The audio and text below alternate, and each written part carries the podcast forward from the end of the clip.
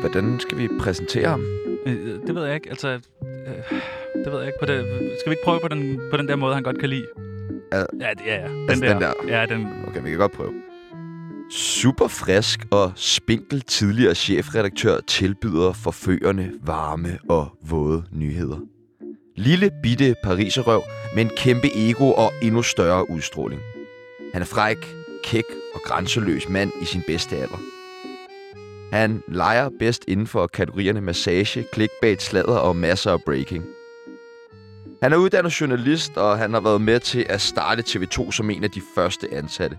Siden har han været chefredaktør for Ekstrabladet, hvor han var i hele 14 år. Hvis du ikke allerede kan regne ud, hvem dagens gæst er, så kan du 100% efter dette klip. Altså, det, der gerne skulle være forskellen på at læse Ekstrabladet og læse øh, ting på Facebook, det er jo, at der trods alt sidder nogle mennesker på Ekstrabladet, som har gjort sig en anstrengelse for at finde ud af, om det er rigtigt eller forkert. Velkommen til dig, Poul Madsen. Tak skal du have. Vi skal i dagens program snakke MeToo Ekstrabladet. Vi skal teste Poul Madsen som siden 9 mand, og så skal vi selvfølgelig beskylde ham for en masse grimme ting. Mit navn det er Sebastian Engel, Og mit navn, det er Tjano Kvartrup. og du lytter til Ekstra Tsunami.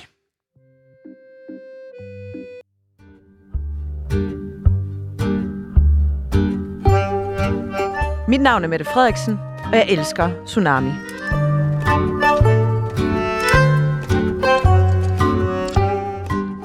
Velkommen til, Paul Madsen. Tak skal du have. En fornøjelse, at du vil være en del af Tsunami. Jeg har glædet mig. Vi har også glædet Vi har også glædet Normalt os. så her om fredagen, så sender vi jo Tsunami og Parnasset, som er vores debatformat. Men fordi jo vi fik dig i studiet, så har vi valgt at skrotte det Skråt i dag. alt. Skråt alt. Så ingen debat. Ingen debat, i dag. og, og, og det kan være, det kommer igennem programmet her. og båndet program også. Ja, ja, det kan vi jo det er lige så også godt sige, så man kan desværre ikke lige ringe så ind I i kan dag. snyde bagefter. Ja. Om, øh, om et par timer, da jeg er på vej til Oslo, sammen med en masse dejlige Dejligt hvad? shots. Ja, præcis. Lytteren skal lære dig lidt bedre at kende. Det gør vi igennem det, der hedder en tsunami af spørgsmål, hvor vi øh, stiller nogle forskellige valgmuligheder. Du skal vælge det ene eller det andet. Er du klar? Jeg er så klar. Er du skarp? Ja, det synes jeg faktisk. Nå, Ja, godt. ja. Avis eller radio? Øh, radio. Jes Dorf eller Michael Dyrby? Ah, hold nu op. Øh, det er jo begge to gamle øh, venner, øh, og jeg har haft øh, mange øh, sjove episoder med dem. Så jeg tager øh, Jes Dorf, ham kender jeg faktisk bedst. Er du stadig venner med dem? Jeg, jeg er øh, bekendte, okay. vil jeg sige. Det kendte. Sjælland eller Jylland? Ja, der tager jeg Jylland, 100. Hash eller kokain? Ja, men øh, jeg har ikke prøvet noget af det specielt Hold din, meget. hold din kæft, Paul. Og Jeg har ikke fået noget af det. Specielt Ekstra- meget. ekstra Hørte du den der specielt altså, men, meget? men det er fordi, så kan man jo lægge hvad som helst i det, når jeg siger ikke specielt meget. Ikke? Øh, jeg tror, jeg vil tage hash, fordi jeg er lidt bange for øh, kokain. Okay. Jamen, øh, det synes jeg er et øh, godt bud. Eddie eller Søren? Det jo de to sømænd, øh, så tager jeg klart Søren. Okay, hvordan kan det være? Jamen, det er fordi Eddie, han var sur. Øh, Søren var øh, meget mere sådan, han øh, synes, at øh, det var sådan set okay, det vi havde gjort, men øh, det var frygteligt, det de har været igennem som øh, gisler i 836 dage. Ja, og så alt det der med ekstrablad, det var da også frygteligt. Nej, bagefter. det synes jeg egentlig ikke. Nå. Øh, men det kan I læse om i min bog. Ja, tak. Loud eller 24-7? Jeg synes, det der med 24-7 og jer, det synes jeg er latterligt, så jeg siger loud. Ja, tak. Escort eller prostitution? Øh, Hvad er du mest til?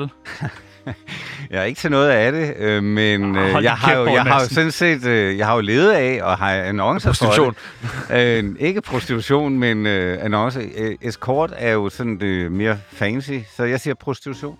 Ja, tak. Penge eller lykke? Øh, lykke, klart. Christian Hegård eller Ditte Ockmann? Og jeg vil med begge to. Jeg har med i mit program, de var med her den anden dag. Øh, jeg er helt vild med Ditte. Og Til- Christian. Okay, men du siger Ditte. Jeg siger Ditte. Okay. Ja. TV2 i Odense eller i København? Øh, klart i København. Karriere eller familie? Familie. Unge damer eller gamle damer? Unge damer. Røv eller patter? Øh, hvis det er min kone, snakker om, øh, jeg er vild med hendes røv. Enig. Henrik Fortrup eller Hans Engel? Øh, Hans Engel. BT eller Ekstrabladet? Klart det ekstrabladet. Side 9 eller Se og Hør pigen? Jamen altså, så jeg hører på den latterlig øh, siden 9. Wow, kontroversielt. Ja, Anders Krab eller Stig Kirk Ørskov? Øh, jeg, jeg synes begge to, at øh, de har det sådan lidt svært, hvis jeg skal være helt ærlig. Nå, Okay. Og øh, Det tør du det, kan godt at være, sige. det, kan, det gør jeg. Prøv at høre, jeg er ude af alt, så jeg, jeg, jeg, jeg øver, Det er fedt, nu skyder du jeg, jeg, mener, jeg mener i øvrigt, at jeg altid har sagt det, jeg mener. Øh, og det har sådan været et varemærke for mig, ikke? Så øhm, det, jeg vil ikke vælge nogen af dem. hvorfor har Anders Krab det svært? Jamen, prøv at høre, jeg synes, de begge to øh, har det svært. Altså, jeg, jeg synes, de har svært med at, at være en del af den tid, vi lever i. Den danske Robert Murdoch, Anders Krab. Ah, ah, ah, så tror jeg, du skal længere ned til Belgien, hvis du skal finde den, den egentlig. Anders Krab, han er jo en type, der når han øh, skal mærke lidt adrenalin, så tæver han hjemløse. Ja, hold da op. Ja, Ja. Det vidste jeg ikke. Det er Nej. noget, I har afsløret. ja den har vi, øh, den har vi Fedest. breaket. Har I, har I billeder, så er jeg ret sikker på, at I kan få penge for det. Det skal vi have. Vi er frem til at Ja, sende han dem. betaler helt vildt meget Anders Krab for de der bøder. ja, men så, ah, nej, send den til Ekstrabladet, eller se og hør, så er jeg, jeg tror, sikker Anders på, at der sker vil noget. betale mere for dem, men Ja, det det tror hvis jeg jeg skal også. være helt Ja, ja. Jeg har jo altid sagt, bare for en parentes, så vi havde, vi havde en mand inde på Ekstrabladet, som vidste alt. Han har været der i 40 år. Jeg sagde, hvis du nogensinde vil udgive dine erindringer, så betaler jeg altid 500.000 år hver andre. Hvem er det? Han hedder Eggert Gennerskov, og, har, og, ved er ude, alt. han ved, at han sidder ude i receptionen. Han ved alt. Uh, ham skal vi have med en dag. Ja, det tænker jeg Ja, også. det skal jeg. Det vil være sjovt. Det sidste og det sværeste spørgsmål. Radioprogrammet Tsunami eller podcasten på forsiden med Paul Madsen? Jamen, prøv at høre. Øh, Nu er jeg jo hos jer, så jeg er jo altid lige i momentet, så det er selvfølgelig jeres. Tak. Velkommen til, Paul Madsen. Tak.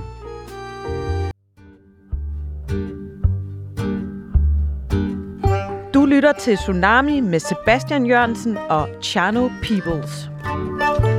Hvorfor var det, du blev fyret fra Ekstrabladet egentlig? Jamen, nu blev jeg jo ikke fyret fra Ekstrabladet. Øh, Jeg stoppede på Er Ekstrabladet. du sikker? Ja, det er jeg sikker på. Nå. Altså, der var jo en meget, meget morsom historie i Frihedsbrevet, som påstod, at jeg var blevet fyret. Ja. Og alle mennesker øh, fortalte Frihedsbrevet, at det var jeg ikke. Inklusive mig selv. Ja. Alligevel skrev de historien. Men var det ikke, de, de mente, at de havde nogle kilder. Jo, Uden jeg ved, men, om men de altså, der er det jo, altså, journalistik består jo ikke i at have hemmelige kilder, som uh, tror, de ved noget. Altså, journalistik handler jo om at vide noget, og i hvert fald være i stand til at bevise det. Må jeg så spørge sådan her, inden din samtale med Lars Munk den 28. februar, vil du så gerne fortsætte som chefredaktør for Ekstrabladet? Ja, i en periode. Jeg havde, øh, inde i mit hoved havde jeg, at øh, jeg skulle på barsel i øh, 1. november. Alle, alle i chefredaktionen skulle have børn. Altså Pernille Holbøl, Christoffer Eriksen og mig selv. Og så skulle vi ligesom tilrettelægge forløbet for de der børn, så vi ikke alle sammen var væk på samme tid. Og så havde jeg sagt, okay, jeg venter til at blive den sidste, der så skal på barsel. Og så tænkte jeg, så vil jeg have et øh, halvt års tid, eller otte måneder, til at finde ud af, om det overhovedet spillede sammen med at have en øh, baby. Og så kom Lars Munk kørende op til mig i sin Volvo, og øh, så gik vi en tur. Og da vi nåede op til... Smuk tur. Ja, op til, da vi nåede op til det, der hedder Knud Rasmussens Marte, som er sådan på toppen af, af Hundested, så kunne jeg bare mærke, at jeg skulle stoppe. Den er meget indødet, den der historie der. Jamen, det, Det er jo fordi, præcis den det var- samme ord, altså ord for ord historie, man kan læse på forskellige medier med Smuk- smuk tur Det- og så op til Men det og det er Volvo. fordi, Og... Det, der jo er det nemmeste, det skal du jo vide, det nemmeste er jo at fortælle sandheden. Ja, men nu har jeg jo set tilstrækkeligt meget CSI, og det, når man får præcis den samme historie, så er det jo tit ja. der, hvor folk Men de det er fordi, har jeg, en... jeg synes også, at- detaljerne er flotte. Ikke? Altså, da man når op til Knud Rasmussens Varte, og så er jeg blevet øh, enig, eller øh, har forståelsen af, at, at nu har jeg lyst til at stoppe. Ikke? Men det er, jeg sorry to say, altså det er sådan set sådan, det var. Hvad blev der så snakket om i den samtale? Der? Øh, To ting. Øh, Børn i hvert fald. Øh, ja, der blev, der, der blev snakket om dels massageannoncer, som vi jo har talt en, en smule om her Skal vi allerede. snakke mere om. Og øhm, fordi at øh, jeg jo i nogle år havde ligesom syntes, at nu var tiden ved at være løbet fra dem, men omvendt var de jo en kæmpe indtjening øh, for Ekstrabladet, og jeg gad jo ikke ud i en eller anden kæmpe fyringsrunde. Øhm, så derfor skulle jeg jo ligesom have bestyrelsesformanden med på, at hvis de skulle stoppe, øh, så skulle det ikke resultere i den her kæmpe fyringsrunde. Så det brugte vi en hel del tid på, og så begyndte vi at tale om Så mig. det var derfor. Det var dig, der trak dig for at få råd til at ligesom... Ja, altså, det- det, er er klart, det sådan, det hænger altså, hvis, sammen? hvis det hang sammen sådan en til en, så skylder de mig med nogle penge. Skulle jeg hilse at sige. Men, øh, men øh, var det så på grund af de anno- annoncer, havde de noget med det at gøre? Nej, det havde de ikke. Altså det, det der øh, ligesom var, det var, at her så jeg, at jeg fik muligheden for at starte et nyt liv, inden jeg blev alt for gammel. Jeg bliver 60 her. Men det går simpelthen lige op for dig i den der samtale. Ja, men det gør, at jeg har jo den der følelse, at jeg skal noget andet, men har svært ved at få røven med mig, fordi jeg synes faktisk, det er rigtig sjovt at være på Ekstrabladet. Ikke? Og øh, jeg synes, at med de to nye chefredaktører, synes jeg også, det var blevet endnu sjovere. Jeg har ligesom genopfundet mig selv, og Ekstrabladet har genopfundet sig selv i journalistik og video og alle mulige ting. Så jeg synes ikke, jeg kunne tillade mig at gå. Altså, jeg er også... Hvem er den første af jer to, der nævner, måske skal du stoppe? Jamen, altså, det øh, kommer, han siger, at vi skal tale om dig, så siger jeg, nu har vi jo talt om flere gange, øh, om jeg skal stoppe. Så siger han, det kan vi da godt tale om. Okay. Og sådan foregår det. Okay.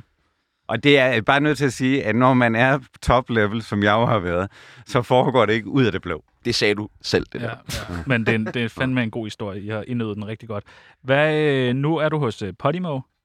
Ja, det er. Kunne du ikke have fået et fedt arbejde? Jamen, jeg synes, det her er fedt. Altså, jeg besluttede jo, da jeg så spacerede hjem igen, og havde tænkt mig om et stykke tid, øh, at øh, jeg ville skrive en bog. Og så skyndte jeg mig så at skrive en bog om øh, min tid på Ekstrabladet. Den er så blevet om alt muligt andet også. Øh, kommer her 14. marts. Og vi Annonce, glæder os, annonce. vi glæder Jamen, os den til at er- modtage den- et eksemplar, så skal vi nok anmelde det. Den bliver god, øh, eller den er god. Øhm, og så tænkte jeg, at jeg ville lave noget, jeg aldrig havde prøvet før. Og øh, derfor skulle jeg enten lave et øh, tv-program, altså være vært på et tv-program, eller på en podcast. Og så kom øh, Asger Jul fra Nu Afhængig og spurgte, om jeg ikke havde lyst til at lave min helt egen podcast. Så tænkte jeg, det lyder sgu da godt, det vil jeg gerne prøve. Øh, og det er det, jeg gør nu. Sæson 2 er lige gået i gang. Hvad med DK4? Har de ikke tilbudt dig et værtskab? Jo, jo, jo, jo, jo. Der er alle, alle faldende svende, de bliver jo tilbudt et Over værtskab. på DK4. over på det. Nu er Inger Støjberg Ja, den seneste. jeg sagde nej tak. Du Nå, okay. Ja, jamen, hvis de spørger nok gange, så kan det jo være... Ja. Jamen, jeg nåede jo, altså det kan jeg jo godt også, jeg nåede faktisk at lave et program for dem. Hvad og, og fordi jeg tænkte, at man kunne både lave min øh, podcast, øh, og så som et øh, tv-program, og det blev et glimrende debatprogram, det var bare en dårlig podcast. Ja, okay. Nu når vi er lige ved Podimo, så vil jeg gerne høre dig. Hvad synes du om den linje, Podimo ligesom har lagt med, at de køber alle de her store samtale-podcast ind nu, og vil have monopol på, på dem? Jamen, jeg synes, det er fedt, at der er nogen, øh, der gør, øh, går imod strømmen. Øh, det er også derfor, jeg er der. Det er, fordi det er en startup. Og så har jeg jo, altså jeg laver jo, en, altså mit, min podcast kommer til at tage lidt tid at bygge op. Altså det er helt nyt. Øh, folk ved selvfølgelig godt, hvem jeg er. Men øh, de skal jo ind og betale. Og det der med at få folk til at betale, det er jo noget nemmere selvfølgelig at være Mads Steffensen mm. eller, eller Faltop og så videre, ikke? Men er det ikke lidt kedeligt format med alle de her samtale-podcast? Er det ikke ved at være lidt udtærsket Jo, format? men det- Altså, skulle man ikke have... Nu siger jeg det bare, fordi jeg havde nemlig pitchet en dokumentar ind til Podimo, som de ikke tog, og det er jo nok derfor, jeg bare Ja, er ja, det, over ja, det. det er helt okay at være grundbitter. Ja. Ikke? Men, øh, En god drivkraft. Ja, det er altid, det har også drevet mig til meget Er det undervejs igennem. Jo, men ved du hvad, altså, jeg synes mere, at man skal se det som et øh, alternativ øh, til det, der ellers bliver lavet, og en mulighed for at få noget andet. Og øh, det, der er det allerfedeste på øh, Podimo, i modsætning til alle andre nye startups, det er, der ej, I har selvfølgelig penge nok, men de kommer fra skatteyderen. Ikke? Det er, at her er nogle mennesker, der investerer i indhold. Altså, og det gør de både i Danmark, og senest i Holland, og Norge, og Tyskland, og så videre. Nu øh, for det her med, altså, jeg, jeg synes måske lidt det der med generelt bare samtale-podcast er sådan, jeg synes ikke, det er nødvendigvis er sådan skide god journalistik, ikke fordi man ikke godt kan få noget ud af det, og det kan være underholdende og sådan noget der, men det er lidt let købt i min optik. Øhm, for lidt forlængelse af det, hvad er den bedste historie, du har lavet? Altså, den bedste historie, jeg har lavet på øh, min podcast, handlede om Morten Messerschmidt. Altså, Mhm. da han lavede sit øh, fine opslag der på Facebook, hvor han fortalte om den der dommer ude i Lyngby, der var i så forfærdelig, og alle de der mange gange, som den her dommer havde øh, ligesom været imod Dansk Folkeparti og Morten Messerschmidt. Hvis man gennemgik det der, hvad ingen, undskyld mig, medier gjorde, de åd det bare råt, så kunne man se, at det handlede om måske to episoder, altså to ting, som den her dommer øh, ligesom var lidt for langt fremme med snuden på. Det skulle han selvfølgelig heller ikke have gjort, det var torskedumt. Men, men jeg synes bare, der hvor, der hvor jeg virkelig altså, synes, det er fedt at sidde og lave sådan noget, som jeg laver, det er jo, at øh, jeg gennemgår jo de nyheder, som er. Og det vil sige, jeg kan også lægge min egen personlige vinkel på dem. Mm. Øh, og jeg kan gå ind og researche nøjagtigt på det hjørne af nyheden, som jeg synes er mest interessant. Øh, og det synes jeg, der er for få, øh, der gør øh, rundt omkring. Er det fedt at være tilbage og kunne have lidt mere he- mellem hænderne? Ja, altså, det, journalistisk prøv, at, arbejde det, er, det, det er så fucking fedt at være tilbage og lave journalistik. Jeg har slet ikke drømt om faktisk, at jeg synes, det vil være så fedt at lave journalistik igen. Nej, også efter 14 år på Ekstrabladet, så bliver det rart endelig. Og lave noget rigtig journalistik. Ja, ja, Ja, det er god med dig. Vi lavede masser af fed journalistik på Ekstra. Vi øh, havde, øh, var så heldige at have besøg af Peter Aalbæk i går. Øh, og han havde et spørgsmål til dig, som øh, jeg lige vil spille. Bare roligt, det er ikke, det er ikke så Aalbæk-agtigt faktisk. Okay. Jeg synes, I skal bede ham øh, berette om sit forhold til farisæerne. Han, Det var, altså, han svarer altså, han, var, han, var, han var en stor bibelreference i går, da vi havde ham med. Det var fuldstændig vanvittigt. Og mig, der aldrig nogensinde har åbnet en hellig bog, altså, der var et stort spørgsmålstegn. Ja. Farisæerne, hvad er dit forhold til altså, nu er jeg jo, jeg er jo præstesøn, så øh, jeg burde jo øh, være i stand til at gå ind og lave sådan lidt øh, bibelanalyse her, ikke? Altså, farisæerne, jamen, jeg har ikke noget forhold til farisæerne. Altså, jeg føler ikke, øh, hvis der ligesom underliggende ligger her, at øh, jeg skulle være en af farisæerne, så vil jeg sige, det er jeg ikke. Altså, jeg er meget mere en af, af de der disciple, der løber rundt sammen med Jesus. Øh, Peter Aalbæk sagde jo, at han var Jesus. Så du løber vel i forlængelse af det rundt sammen med Og øh, og han, hans disciple. Vi har, vi har jo set hans disciple. Okay, så er jeg så skiftet til uh, farisæerne. ikke? Altså, hvis, hvis det er ham, der er Jesus, så jeg Og- skal og- ikke... Nasser Carter, Frank Ja, Jensen, jeg den, står... sidste, den sidste nadver på salon. Ja, okay, er, du, ja. er du bitter over, at du ikke var inviteret med? Nej, Var, var du inviteret med? Nej, det var jeg ikke. Var du ikke Og det? jeg synes, prøv at høre, jeg jeg synes jo endnu en gang, det viser, hvor dygtig Peter Aalbæk er til iscenesættelsen. Ikke? Fordi øh, hvis det er sådan, at man ikke vil ses... Så har man ikke sat sig på salon. Ja, kræfter har man ikke sat sig der. Altså, så har man sat sig hjemme hos Peter Aalbæk i herfølge. Ja, eller Ikke? et baglokale på de, øh, blevet ikke? Lige nøjagtigt, ikke? Og altså, det her er jo et kæmpe stunt, som alt, hvad den mand foretager sig, og det hvilket jo også er imponerende, han har været i stand til i alle de der mange år. Har du et bud på, hvad der foregik til den... Øh... Jeg tror, de sad der og var skide bedre. Ja. Og de kunne slet ikke lade være med at være bedre. Øh, og øh, så tænkte, tror jeg, at de alle sammen tænkte, øh, hvor er det fedt, at øh, vi sidder her, og at vi kan sidde her, og alle mulige mennesker ser på os, og alle de der ting. det kan man, må man da ikke håbe, at de har tænkt. jo, vil godt det nok kan jeg love dig. Det garanterer dig for, at jeg tror, de har tænkt. Fej for helvede. Det kan det være, at du bliver inviteret med næste gang. Ja, men jeg er jo ikke, jeg er jo slet ikke på det der hold. Altså, altså jeg er, altså hvis de er Superligaen af dem derude, så er jeg jo fandme Danmarks hold, altså sammenlignet med, ikke? Ja, det siger du.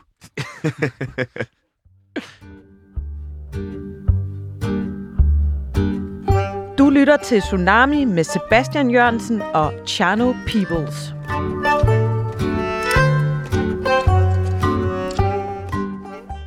Nu skal vi snakke lidt om øh, Ekstrabladet. Så gerne. Hvordan vil du beskrive Ekstrabladet som medie? Jamen, Ekstrabladet er den der, når Ekstrabladet er bedst, er de dem, som er, øh, altså ingen bullshit. De skriver tingene øh, fuldstændig som de er. Øh, de går ikke efter manden, men de går efter det, som, som alle andre ikke tør gå efter. Øh, så det der slogan, som Ekstrabladet har haft i 55 år, med tør var andre øh, tiger, øh, det synes jeg er genialt. Går det for stærkt nogle gange? Jamen, det gør det i alle medier. Altså, det går også for stærkt på ekstrabladet.dk, øh, hvor man for hurtigt øh, får sendt ting videre, som man i virkeligheden ikke har haft tid til hverken at tænke om, øh, tænke over eller undersøge godt nok. Kan du godt lide, når det går lidt for stærkt? Nej, jeg kan ikke lide, når det går lidt for stærkt. Jeg kan godt lide, når det går stærkt. Altså, Okay. jeg elsker pulsen. Altså, hvis jeg overhovedet skulle savne noget som helst, øh, så er det de der dage, hvor man har den store historie. Ikke, som, ikke så meget den der breaking dagsorden. Øh, det kan også være sjovt, hvis det er en minister, der går af, eller et eller andet i den der stil. Men den der, når man sidder der og arbejder for eksempel på historien om Lars Lykkes underbukser og habiter, øh, som er betalt af partiet, og man prøver alle mulige ting, øh, og så lykkes det at få det hjem. Man får bilaget, man får bekræftelsen, og så kører bussen. Hvordan var Ekstrabladet, da du ligesom overtog rollen som chefredaktør? Jamen, det var et helt andet ekstrablad, end det, jeg forlod. Øh, altså, det, ekstrabladet havde haft den sygdom øh, op gennem øh, nullerne, øh, også i min første periode, at man havde lukket sig ind omkring sig selv. Og det vil sige, at man, øh, man sad inde på Rådhuspladsen og forestillede sig, hvordan virkeligheden var, øh, og ikke var nok i kontakt med, hvordan øh, folk faktisk lever. Øh, og, øh, og det gjorde man måske, fordi man havde et fællesskab med hinanden, man drak mange øl, man, øh, der var gang i den, man havde det hyggeligt, øh, men man, man glemte, hvem det var, man var til stede for, øh, og blev i stedet for til stede for hinanden øh, som gode venner øh, derinde. Og jeg mener, det ekstrabladet, jeg forlod, øh, det var jo med en helt anden medarbejderstab, unge mennesker, folk, der havde familier. Altså, det var også en af de der ting, folk skulle ikke hjem, altså, da jeg kom. De havde hinanden som venner, og så kunne de drikke nogle bajer i kantinen, og det var også skide hyggeligt. Men det er jo ikke nødvendigvis sådan, man oplever, hvordan livet er. De skulle ikke aflevere nogle børn i institutionen, de havde ikke syge børn, de havde ikke alle de der ting, øh, som alle andre oplever. Og det, det ekstrablad, jeg efterlader, eller efterlod, det var et ekstrablad, som havde nogle medarbejdere, som stod, Som havde børn. stod i samme situation som alle andre, og med samme problemer. Hvad med øl i kantinen? Ja, det, det blev ikke drukket. Altså, vi kunne godt drikke til festerne, trods alt. Øh, men øh, man drak ikke i løbet af dagen. Altså, det, noget af det, der chokerede mig allermest første gang, jeg kom til Ekstrabladet, jeg kom jo fra TV2, øh, hvor vi øh, var en ny arbejdsplads, og ingen drukkultur havde. Det var jo, at der var den her drukkultur på Ekstrabladet, ikke? Der var en anden slags kultur i TV2. Ja, jo, men... ja, det, Med, med noget pilleri. Så kan man jo snakke om, hvad, hvad var bedst? Ikke lidt øl i kantinen, eller det et kan man selvfølgelig fingre sige. i, Det er måske mere uskyldigt med ølene. Ja. Øh, hvad er du mest stolt af i din tid på, på Ekstrabladet? Jamen, jeg er stolt af, at øh, vi fik det gennembrud, som vi fik på den digitale side. Altså, at vi som de første helhjertet satsede på det, og dermed blev Danmarks største. Og vi genskabte Ekstrabladet som værende danskernes foretrukne nyhedsmedie. Øh, og øh, det, det er enormt stolt af. Så er jeg stolt af en masse historier, øh, vi har lavet undervejs også. Øh, altså, Ja, men hvilken historie så tænker du, vil du gerne, hvis du ligesom skal Jamen, jeg, fremhæve jeg, jeg kan ikke, altså som jeg sagde til mine medarbejdere, da jeg stoppede på Ekstrabladet, der er en person, jeg er nødt til at takke, og det er Lars Løkke. Der er ingen, der har givet så meget til Ekstrabladet som ham.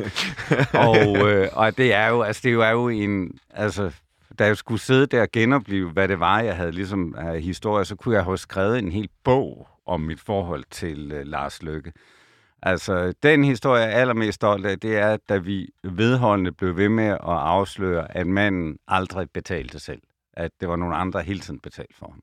Så er jeg også meget stolt af Messer uh, Schmidt-historien, Messer Shit, mm. uh, som jo var det uh, navn, vi døbte den, og som er sådan blevet ikonisk, uh, synes jeg er en fed ting. Og så er jeg meget uh, stolt af, at vi også lavede omkring Øhm, altså, der var en, en reform på et tidspunkt, hvor en masse mennesker røg ud af dagpengesystemet, og ingen tog det alvorligt. De eneste, der tog det alvorligt, var ekstrabladet. Vi afslørede, at det var 30.000 mennesker, der røg ud, i stedet for det, de sagde, nemlig 2.500. Hvordan er dit forhold til Lars Lykke i dag? Godt. Så I hilser på hinanden? Ja, det kan jeg love dig. Godt. Altså, altså, der har, der, altså, mest for sjov, jeg har Jakob Engel Schmidt med i min podcast, og han har flere gange sagt til ham, hvorfor stiller du ikke op for os? Så siger jeg, hold nu op for helvede, altså, jeg skal ikke være politiker. Så siger han, du kan få Vestegnen. Det vil, det, vil, Vestegn. det vil passe til dig. Jeg siger, det går jo overhovedet ikke, fordi jeg holder jo ikke med Brøndby. Jeg holder med FCK. Det vil jo blive en katastrofe. Ej, men du ville have talt godt ind i, i det segment. Tænker du ikke også det? Jo, jo, jo, jo. Jeg har også øh, nogle af de sjove oplevelser, jeg har haft, har faktisk været på Vestegnen, hvor jeg har været ude og lede nogle øh, vælgermøder med Pia Kærsgaard og Mathias Tesfaye, øh, som var sjovt. Altså, Ja, ja. Ikke? Altså, publikum passer jo lige til, sådan som jeg også selv synes, jeg er. Ikke? Hvor meget fik du i løn på Ekstrabladet? Jeg fik en høj løn, øh, men jeg fik ikke lige så meget, som massageannoncerne øh, indbragte. Altså, der er det ved det, at den der med løn, altså, jeg, jeg kommer ikke selv her, efter hvor jeg holdt op, jeg kommer ikke til at afsløre, hvor meget jeg fik. Jeg fik en rigtig, rigtig fin løn. Hvorfor vil du ikke afsløre, hvor For, meget? fordi at det har ligesom lovet både mig selv og min bestyrelse, at det gjorde jeg ikke. Okay. Var det 60 cifret beløb? Ja, det var 60 cifret. Ja, altså jeg fik mere, jeg fik, jeg fik mere end 100 kroner, så meget kan jeg sige. Var det et 4 cifret? Ja, vi kan blive ved. Jeg, jeg fik også, hvor jeg også, fik også på den rigtige side af en million. Altså, så det er Okay. ikke, Om måneden? uh, ikke om måneden. Nej, trods alt. Det kunne da godt være. Jeg synes, jeg synes, jeg var lige nok. Jeg synes, jeg havde fortjent at få en million om Ja, ja. måneden. Ikke? Aalbæk for 76 om måneden. Ja. Ej, der fik jeg lidt mere. Okay, det er godt at vide. Ja. Hvad, hvorfor var det sidste, du gjorde at ligesom afskaffe de her massageannoncer? Det er fordi, jeg havde i måske 4, 5, 6 år, øh, synes, at de ligesom blokerede for øh, måske Ekstrabladets imageudvikling. På den ene side, så har jeg enormt meget respekt for de der øh, prostituerede, som er medlem af, af et forbund, og som betaler deres skat, og så går de hjem og laver frikadeller til familien bagefter. Men at man er også nødt til at, at sige, at man kan ikke lukke øjnene for, at det der miljø også er blevet hårdere og hårdere øh, gennem de sidste år.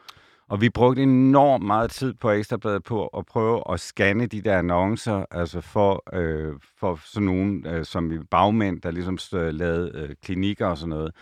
Og vi brugte helt, helt ekstremt meget tid. Og, og det var sådan, at øh, mindst to gange om året, så skulle jeg ligesom stå skoleret øh, i andre medier, mest i politikken, som jo havde haft, altid haft et særligt godt øje til Ekstrabladet, ikke?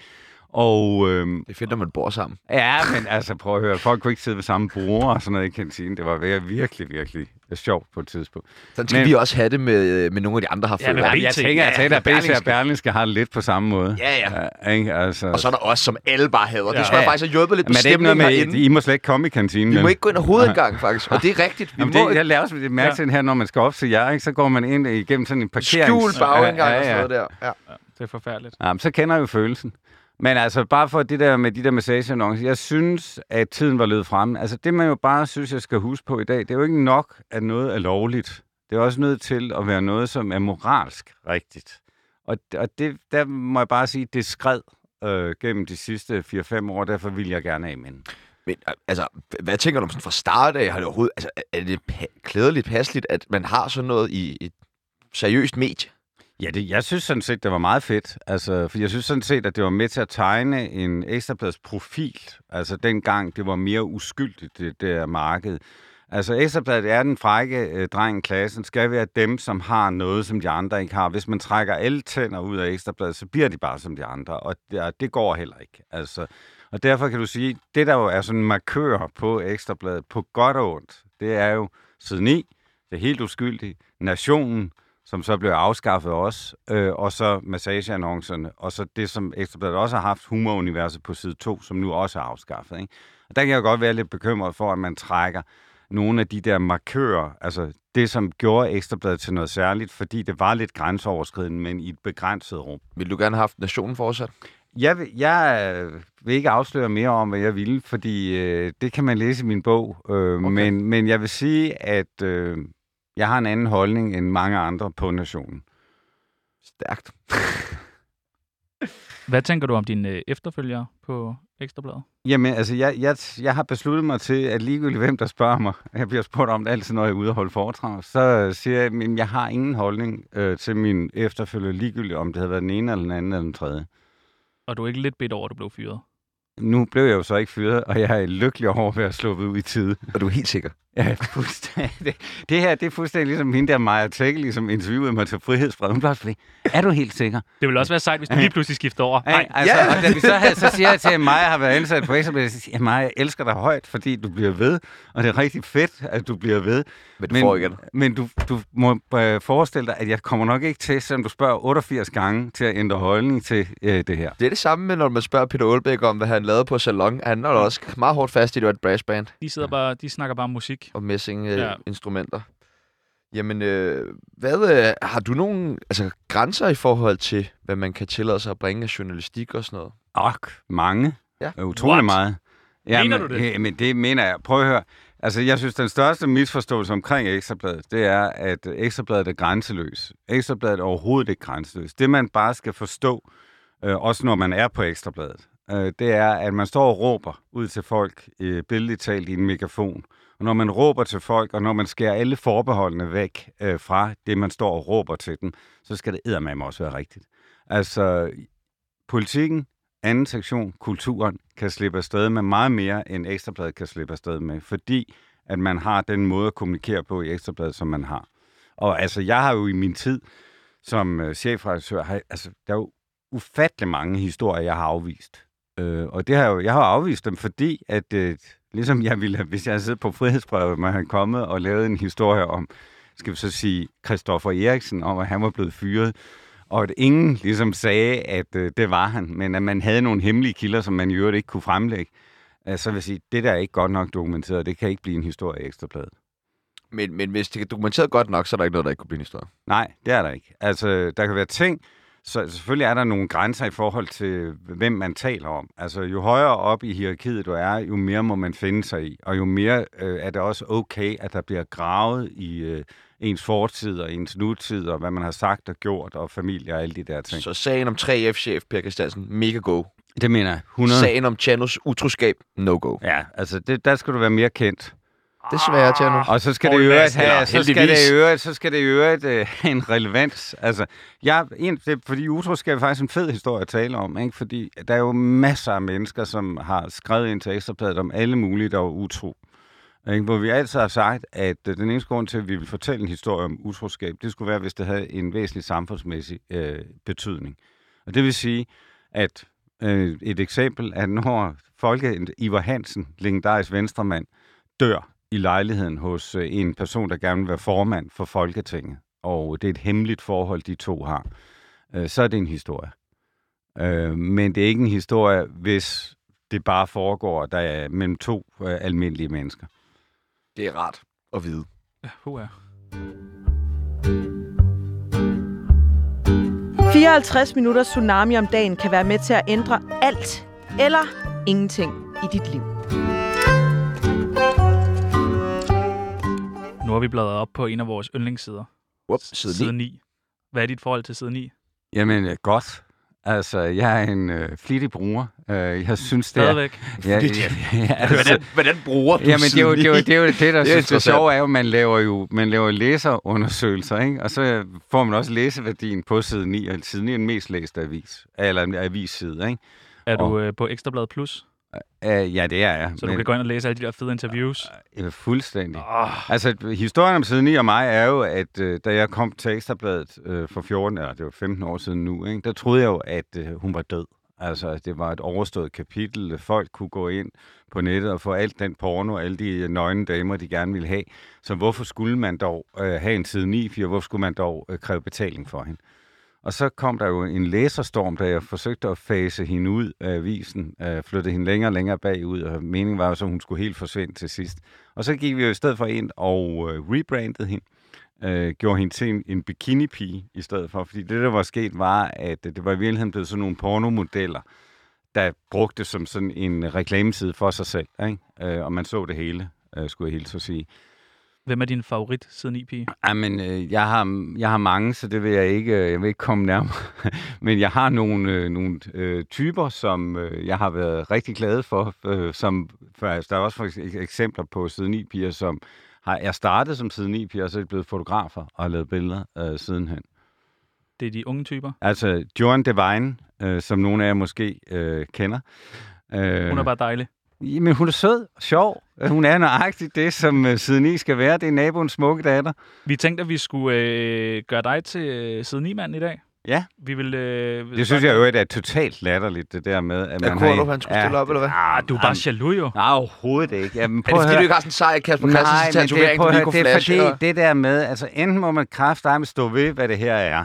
Det er øh, selvfølgelig noget, mænd glor på, og så må man bare sige, øh, det har vi, eller også har vi det ikke. Og tro på, at man ligesom kan få mænd til at stille op på den der side, og så er det lige så fedt. Det kommer ikke til at ske. Se og hør har haft se og hør manden i mange år. Jo, men altså, det er også sådan...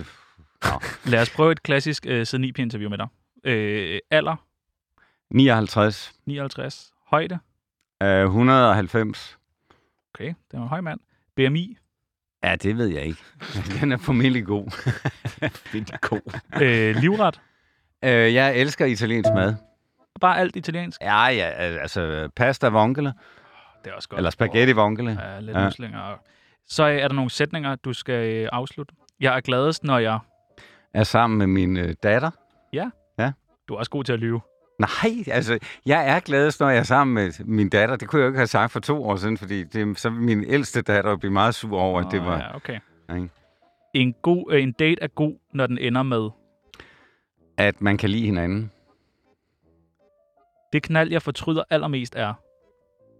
Ja, men det har været noget i min studietid i Aarhus. Men der er en del, Ja, ikke en del, men der er nogen. som du simpelthen fortryder. Græd du Ah, efter? men ikke, nej, ikke at fortryde, men altså, det var latterligt og dumt og Jeg har engang for kort og alt Har du grædt efter sex? Ja. En gang, Nå, fordi jeg hvorfor? fortrød det. Ja, puha. Jeg ved godt, jeg ikke er rigtig journalist, men Men det prøver jeg at være. jeg tæver min kone, fordi Det gør jeg så aldrig, så den kan jeg simpelthen ikke slutte. MeToo-debatten er... Vigtigt? Når jeg kører spirituskørsel, lytter jeg til... Ej, men jeg kører ikke spirituskørsel. Altså, jeg, lytter til masser af musik, når jeg kører, men det er uden at være spiritus påvirkning. Nå, okay. Har du et nummer, du kunne øh, anbefale til folk, der kører spirituskørsel? Nej, det har jeg ikke. Det har jeg ikke. Jeg mener, jeg, NWA Sound of Police. Ja, Den er måske meget god. Det er det. Jeg håber virkelig, de får lagt nøglerne inden.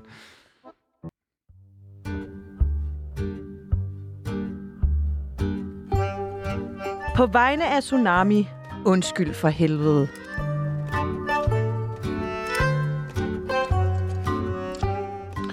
Er du glad for damer? Ja, det er jeg. Ja. Altså, jeg har jo været gift et par gange. Tre gange. Jeg er nødt til at sige, at det er fire. Er det rigtigt? Fire gange? At jeg er gift for fjerde gang, og det er sidste gang. Ja, det, Det siger håber man nu, vi. ikke? Det siger man nu. Nej, ej, det siger man ikke bare nu. Men- altså, der er man simpelthen også nødt til på Er et det- eller andet tidspunkt at beslutte sig til, at nu er det eddermame slut. Er det dig, den er gal med? Ja. Fire gange. Ja, det tror jeg. Ja. Ja. Altså, det, prøv at høre. det var det der med at blive så tårnende forelsket i nogen, som jeg er blevet. Og jeg har jo arbejdet rigtig meget, så derfor har jeg mødt alle mine koner så nær som min nuværende på arbejde. Og øh, det er måske også derfor, jeg tror lidt mere på det her, end jeg tror på det andet. Øhm, og så, bare, k- så er jeg sådan en type, som altid, jeg har bare kastet mig ud i det. Altså. Her er Du gør Tammer. det bare. Jamen, det er... Det, Var det efter øh, Marie-Louise Toksvig, at du fandt ud af, at du ikke var til gamle damer? Nej, det havde ikke noget med hende at gøre. Altså, jeg har jo været... Alle dem, jeg har været gift med, de har jo været i 40'erne. Ja, okay. Men hvad- Så nær som nu. Okay. Men hvad... Altså, Hvorfor er der så dårlig stemning mellem jer så? Ja. Ja, ja det, det ved jeg sgu ikke. Altså, øh, ja, nej, jeg synes ikke... Altså, det er ikke mig, der forsøger at lave en dårlig stemning. Jeg vil faktisk gerne have en god stemning. Ja. Ja, det er klart. Det er hende, det er hende, den er gal med. Nej, det altså prøv at høre. Hun har valgt, øh, at jeg ligesom er væk og fint, og det er måske også meget godt. Jeg, jeg savner hendes søn, som jeg har haft et meget tæt forhold til, og jeg savner hunden. Altså, Men ikke, ikke Toksvig. Nej, men altså, vi var færdige med hinanden. Okay. Og, og øh, så sådan er det. Hvad... Det var, jeg kan man stille det her spørgsmål på den rene. Hvad skal en kvinde kunne Ja, for Paul Madsen. fra Poul Madsen? Hun skal øh, tur øh, sige fra, øh, og øh, fordi jeg er jo sådan en type, som er øh, forholdsvis dominerende, sagt på jysk. Det siger du. Ja, det ja. tror jeg på. Og øh, så skal hun jo selvfølgelig være øh, sjov. Altså, det handler jo også om at have det sjovt, når man er sammen med en kvinde, ikke? Og så skal hun være lækker. Og det har alle de kvinder, jeg har været sammen med, de har været lækre. For fanden da. Ja, Ja. ja. Hold da kæft, hun er ja, fucking dejlig. da- Jeg synes virkelig, hun er altså. dejlig. Altså, Ja, hun er Ja, fantastisk. Hun er Ja. virkelig dejlig. Ja. Den der, Jeg var da fuldstændig vild med hende, altså. Ja. Jeg også. den der lidt hæse stemme og de der øh, syv pakker smøger om dagen. Og sådan. Jeg synes, det er så dejligt. Hvor gammel skal din næste kone være? Jamen, jeg skal ikke have en næste kone. Jeg har... Øh, jeg har du ikke, det klikker jo. Fire, Jamen, jamen, prøv at høre. Prøv at, høre, jeg, bliver, jeg bliver jo også ældre, trods alt, ikke? Og øh, Du holder jeg, dig godt. jeg, øh, tak. Øh, jeg er jo sådan en, som øh, altid har drømt om øh, at få en familie, og så ligesom ture satse på det. Jeg blev gift fra min storebørns, eller blev skilt fra min storebørns øh, mor, da de var små, 3 og 5, ikke? Og derfor har der altid sådan været indbygget i mig, at øh, på et eller andet tidspunkt, så, så skulle jeg have en rigtig familie igen, hvor jeg er sammen med moren og børn, og vi er som en familie, sover ikke om natten og alle de der øh, ting, men har det alligevel sjovt. Er det ikke hårdt, når man er så gammel?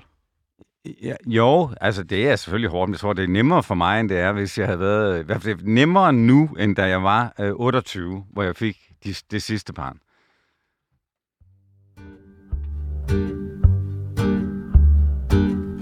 Du lytter til Tsunami med Sebastian Jørgensen og Chano Peoples.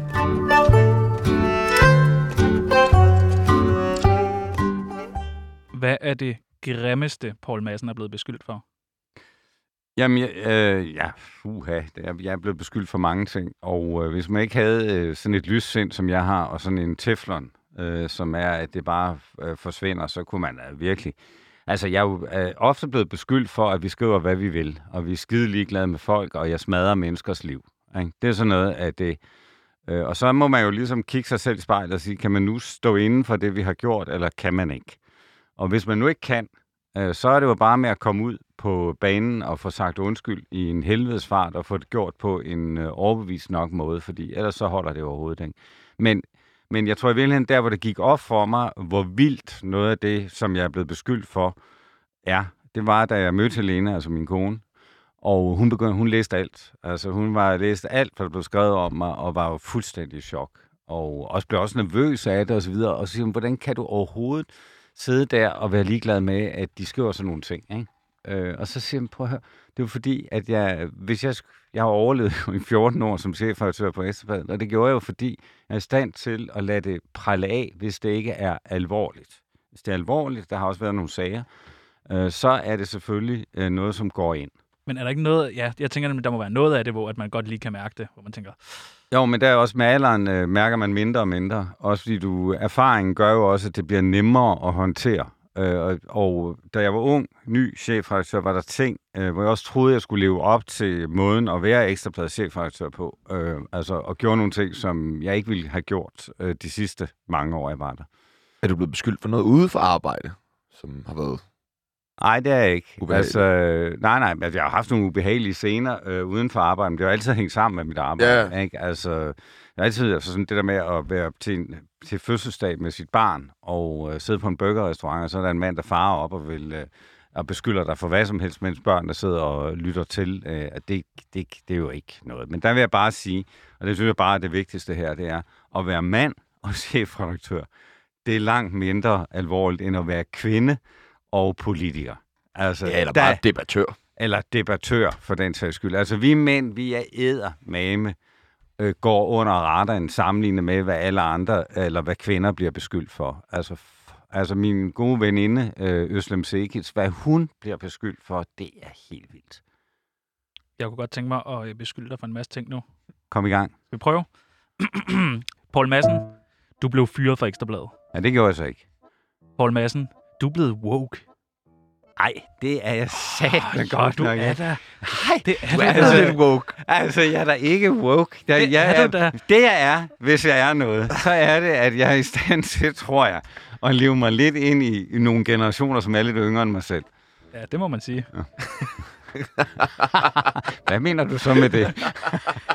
Her der er det mig, der stiller spørgsmål. ja, det er nemt, hva'? Paul Madsen, du hader succes. Nej, det gør jeg fandme ikke. Jeg elsker succes. Paul Madsen, der kommer snart en stor MeToo-sag mod dig. Nej, det gør der ikke. Det tør jeg godt En garantere. lille? Nej, det gør der ikke engang en lille. Altså, det, da hele den der MeToo-ting brød løs på Ekstrabladet, så er det klart, at jeg tænkte, fuck mand, er der nu nogen, som kommer med et eller andet, som du ikke selv har tænkt over øh, undervejs, ikke? Øh, også nu her med TV2. Jeg var jo, altså, jeg var jo på TV2 tilbage i tiden 2001, altså inden det gik helt amok, ikke?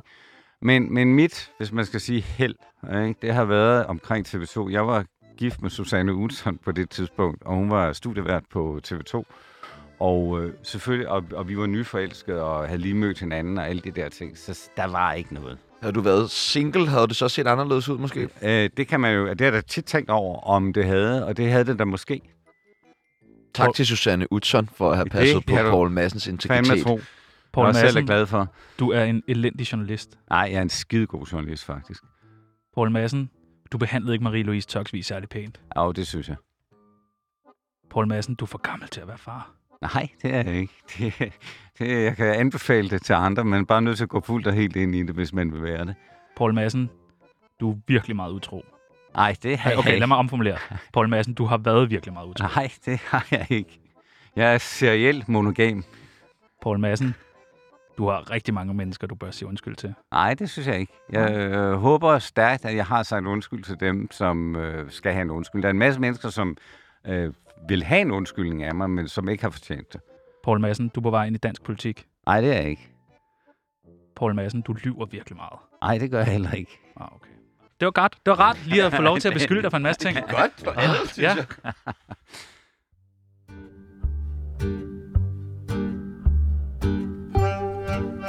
Mit navn er Mette Frederiksen, og jeg elsker Tsunami. Er du nogensinde blevet krænket? Nej. Heller ikke, da du var på TV2? Nej, altså jeg er ikke blevet krænket af kvinder eller eller andet. Nej, det er jeg faktisk ikke. Vil du uh, stille dig frem og sige, hvis du var blevet krænket? Ja, hvis det var alvorligt, altså hvis det var noget, som... øh, Jeg synes jo, hvis man skal stille sig frem og fortælle om noget, som er foregået for eksempel for mange, mange år siden, så skal det være, fordi det har en betydning øh, for andre mennesker end en selv. Øh, så skal det være, fordi det ligesom kan løfte en debat op øh, til et andet niveau. Øh, så synes jeg, man skal lade være. Har du hørt om nogle mænd, der er blevet krænket i mediebranchen? Øh, ja, det har jeg faktisk. Men, øh, men der, så har jeg, jeg har et andet princip også, udover at jeg ikke taler om mine efterfølgere. Så er det, jeg, jeg taler ikke om, om andre menneskers historie, øh, medmindre de selv har talt om det. Altså, vi skal jo slet ikke dykke ned i, hvem det handler Nej, om. nej, og- men, men det er heller ikke... Øh, altså, det, det er bare sådan et princip. Jeg begynder heller ikke en eller anden generalisering. For altid, hvis man nu begynder sådan at give detaljer fra et eller andet forløb, øh, så, så vil folk, nogle mennesker vil altid kunne genkende det. Det er jo derfor også omkring alt det der med anonymisering i aviser og på netsites og alt det der, ikke? Så man bare forstår en ting. Det er jo, at der er en masse mennesker, selvom man anonymiserer, selvom man sætter bjælker på folk, så man ikke kan se deres øjne, selvom man, man lader være med at fortælle deres navn, så er der en masse mennesker, der vil genkende dem alligevel. Nu var vi lige lidt inde på øh, kulturen på TV2, og du gik lidt fri af det derude og sådan noget. Men øh, hvordan oplevede du det, da du selv var der? Var du godt opmærksom på, at den er, der var en forkert kultur? Nej, det var jeg ikke. Øh, altså, jeg kom til TV2 1988 som helt ung grøn journalist. Jeg var 4, øh, 25. Og øh, vi havde en festkultur. Øh, det var som at komme på journalisthøjskolen igen, eller på højskole. Og vi var alle sammen øh, blevet deporteret til Odense, hvor vi aldrig havde været. Så vi havde kun hinanden. Vi kendte ikke andre. Vi havde det super sjovt. Og det, der gik galt på TV2, øh, det er sådan en efterrationalisering, det var, at alle os, der havde haft det pisse sjovt og været meget unge, vi blev ældre, og så blev vi chefer, og så glemte vi, at vi var blevet ældre, og at vi nu var chefer, og der faktisk var kommet nogle nye ind, øh, som vi øh, opførte os overfor, øh, som om, at de var på lige fod med os. Og det var de jo ikke, og de så os også på en helt anden måde. Og der kan man sige, at mit held i gåsøjne var et, jeg var sammen med Susanne Utzon, to, at jeg stoppede inden, altså sådan, sådan min fornemmelse, altså i 2001, inden det hele gik helt amok. Skal vi finde... Hvad? Skal vi finde ud af, hvad der er en god nyhed? Ja, det kan vi også godt. Vi gøre det? Du vil ikke snakke mere om MeToo? Jamen, jeg synes bare, han, han, kommer ikke til at, ja, han kommer ikke til at afsløre sig selv. Du har godt prøvet at spørge nogle flere gange. Ja, Blev du nej, fyret, jeg blev du fyret fra, blev du fyret fra Ekstrabladet? Blev du fyret fra Ekstrabladet? 54 minutter tsunami om dagen kan være med til at ændre alt eller ingenting i dit liv.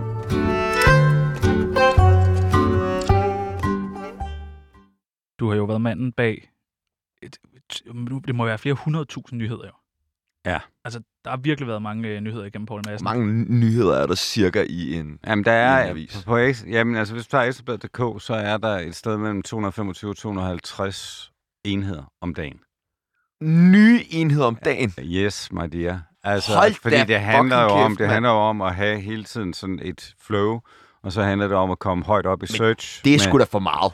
Der må der være, der må der være Jo, men for, altså, meget, når der jeg drukner, sagde- for meget vigtigt, der drukner. I, der Ja. er 230... Jo, men det altså- kan du sagtens sige, men, men altså, øh, forbrugere er jo ikke, som de var her i gamle dage, at de gik ned og hentede en avis i en kiosk, og så var de tilfredse med de der 25 historier, som måske står i en papiravis. Ikke? Mm, Men så det er helt den der gamle kvantitet over for kvalitet. Jamen, jeg synes ikke, og det, øh, jeg synes ikke, at kvaliteten gik tabt øh, på Ekstrabladet ved at lave så mange flere øh, historier. Jeg synes, det der måske er gået tabt, er, at netop som du siger, at det, som virkelig er godt, øh, det drukner. drukner øh, i det andet, fordi udskiftningen er så hurtig, og man kan ikke fastholde for eksempel en stor afsløring op i toppen øh, i, i ret lang tid. Nu, tænker du, eller nu siger du også det der med, at man bibeholder kvaliteten. at Du tænker, at man stadig bibeholder kvaliteten af det. Men det gør man jo ikke hele vejen rundt. Nummer nyhed 225 vil jo klart være... Jeg læste en med Risalamang. Derfor, øh, eller danskerne hader Risalamang. Ja. Jo, men der er forskel på, på afsløringer og underholdning.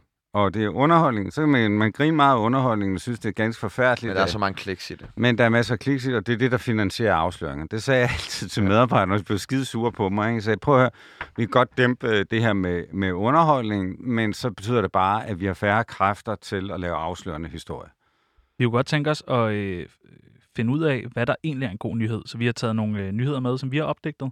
Ja. Og så kunne vi godt tænke os om, vil det blive breaking? Vil det ryge på forsiden? Er du frisk på det? Yes. Nummer et, det er, at Brian Sandberg skal instruere og spille sig selv i en ny film om Brian Sandberg. Jamen, altså, det vil være en klar nyhed. Altså, Sandberg okay. er et A-navn. Han er rocker, men han er mere kendis, end han er rocker. Men det, at han i virkeligheden kombinerer de to ting, at være rocker og kendis, det er nærmest dobbelt plus. Okay. Så alt Brian gør egentlig, Nej, det kan... ikke alt, hvad han gør, men, men det er jo, altså rocker, altså folks fascination for rockermiljøet er vanvittigt. Altså, vi lavede den der øh, podcast her, Bandeland. Bandeland, ikke? Simpelthen big, big, big. Jeg har dog en fornemmelse af nu, at nu er, der, nu er der blevet skrevet så meget om de der skide rockere, så nu er folk ved at være trætte af det. Det skal man altså altid huske. Jeg Heldigvis. tror, jeg tror det ikke. Jeg tror ikke, at folk er færdige med rocker endnu. Nej, men jeg, jeg tror, det Du skal håber være... det. Du Nej, håber jeg, det. jeg tror bare, at man skal passe på, at man... Altså, det var altid det der med, med nyheder. Man skal passe på, at man ikke overfodrer folk med en bestemt ting. Kan jeg tage citatet, øh, Paul Madsen er træt af Brian Sandberg? Ja, det har sgu været mange år. Så det, Nummer to nyhed, det er, at Stine Bosse stiller op for Moderaterne. ja, det, den vil blive meget lille. Hvorfor altså, det? Altså, Stine Bosse, er I klar over, at Stine Bosse er den person i Danmark, det har jeg også lavet i min podcast, ikke? hun er den person i Danmark, som, som er mest på Twitter. Hun Ja. ja. laver flest tweets. Hun er op på at lave op mod øh, 100 i døgnet. Nej. Nej, det tror jeg ikke på. Det er fake Så news. tweeter hun et Gå bogstav ad ind, gangen. gå ind, altså så er det sådan, du retweeter, eller siger fedt, eller et eller andet. Fedt. Altså den der stil, ikke? Altså, Ja, okay, også så kan man hurtigt komme op uden fedt. jo, men det er jo, altså, det er jo, det er jo noget om, hvad, hvor ens prioritering er. Så har vi en nyhed, der hedder, Paul Madsen blev fyret fra Ekstrabladet. Ja, det vil være et breaking. Vil det være forsiden af Ja, det Ekstrabladet? vil det, og så vil den komme i pressen med det samme, ikke? fordi jeg vil klage. Gallup-undersøgelse viser, at 9 ud af 10 kvinder på Ekstrabladet blev krænket. Jamen, ikke, hvis det er en Gallup-undersøgelse, så er det ligegyldigt, fordi okay. så er det sådan en meningsmåling. Hvis det nu var en spørgeskema-undersøgelse på... på... på Ekstrabladet, så ville det være en klar nyhed. Okay. Felix Schmidt dater Sara Bro. Ja, det ville også være en god historie. Gør han det? Det ved jeg sgu da ikke. Altså, jeg er der jo ikke mere. Jeg sidder det? Det? Jamen, jeg, jeg Du må da vide noget. Ja, altså, jeg er med i samme monopolet, Ja, men, ja, ja. øh, men altså, det, er har ikke jeg, den Nej, det er ikke den. Det, det er hendes svømmeren. Nå, Ja, så er den ikke så god alligevel, historien, måske. Nej, nej, så er den ikke helt så god. okay. Nå, okay. Nej, det synes Det jeg var han heller også enig i, nemlig. Ja. Paul Madsen indrømmer MeToo-sager i 24-7-program. Ja, men altså, det, det vil jo aldrig komme til at ske.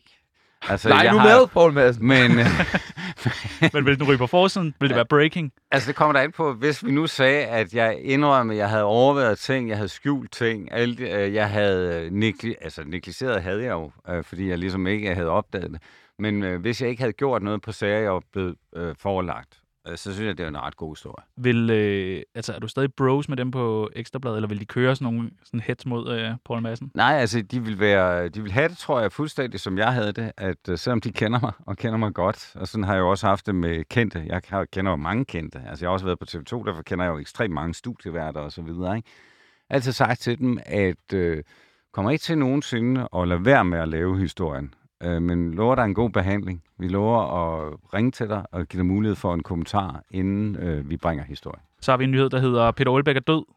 Ja, det vil være en stort. Okay. Altså, Jamen, det, nekrologer... Øh, det elsker folk. Ja, altså fordi der er også- der er så mange sjove ting, og så vil man også lave et billedgalleri og alt muligt. Der er masser af sjove ting. Så mange sjove ting med, når folk de dør. Nej, nej, men han, han er der, altså prøv at, han er der sådan et eksempel, tror jeg, på en person, som har levet et fedt liv. Øh, den sidste, den hedder Simon Andersen skal i fængsel. Vil Ja. ja. køre den på forsiden? Uh, Simon er ikke kendt nok, men uh, vi vil nok... Uh, altså, Den bliver ked af at høre. Ja. Ja. men hvis, hvis Simon skal i fængsel for et eller andet vildt, uh, så vil man... Så vil det, altså, man gør jo så det, i stedet for at sige Simon Andersen, siger man kendt oh, ja, så medie. klik, klik, Ja. klik, klik, klik. Kendt mediemand, ikke? Jamen, jeg, synes, Som vi, selvom øh, han ikke er så kendt. jeg synes, vi har fået afsløret dig i en masse, en masse ting i dag. Ja. Jeg synes, du knækkede. Ja, det må man sige. Ja, jeg Hold da op, virkelig, er- du virkelig Hold- spill the beans. Altså, jeg tror da, Det så skal jeg da, så skal jeg da i hvert fald til at høre udsendelsen en gang til. Det bliver svært at Og gå ud se, her med oprejst Se, se om jeg, hvor knækket var.